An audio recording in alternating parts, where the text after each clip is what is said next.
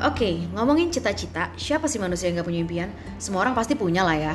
Menurut KBBI sendiri, cita-cita adalah keinginan yang selalu ada dalam pikiran. Nah, gue pribadi juga ada nih cita-citanya. Tapi lu pada ngerasa gak sih, kadang cita-cita kita suka gonta-ganti seiring berjalannya waktu. Contohnya aja gue, dulu zaman masih SD, kepengen banget gue jadi pengacara. Terus masuk SMP, pengen banget gue jadi arsitek. Udah gitu pas SMA, pengen banget jadi ahli sosiologi karena gue IPS Tahu-tahu semuanya nggak ada tuh yang tercapai.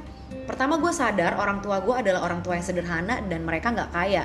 Jadi nggak bisa cemplungin gue ke jurusan tersebut. Yang kedua, setelah gue sadar dan gue berpikir, that's not my passion.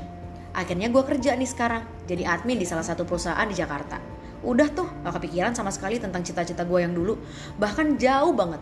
Gue malah pengen jadi penyanyi, penyiar, presenter, dan banyak lah. Jujur suara gue bagus, katanya. Tapi ya nantilah, gue kasih episode khusus nih buat kalian biar kalian bisa dengerin full suara gue. Akhirnya jadi tuh penyanyi, walaupun gak sekeren artis-artis ternama ya, tapi gue pernah masuk TV. Dibayar juga walaupun gak banyak. Cafe tuh cafe udah jadi makanan sehari-hari. Diomelin manajemen karena katanya suara gue belum sesuai kemauan mereka. Diomelin juga tuh kadang-kadang karena gue kalau lagi nyanyi nih suka lupa banget liriknya apa. Tapi gue bangga ternyata Claudia ada juga ya mimpinya yang kecapai.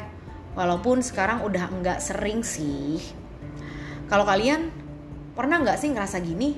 Pengen ini itu. Tapi ternyata kalian sadar bahwa passion kalian bukan di situ.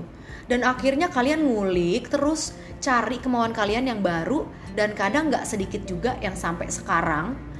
Masih belum tahu nih pengennya apa sih dalam hidup? Sebatas hidup aja atau pengen berkembang yang harus kalian tahu, Tuhan kasih kalian kemampuan apa pun itu kembangkan.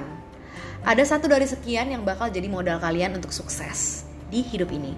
So, semangat ya pejuang. I love you. Mwah.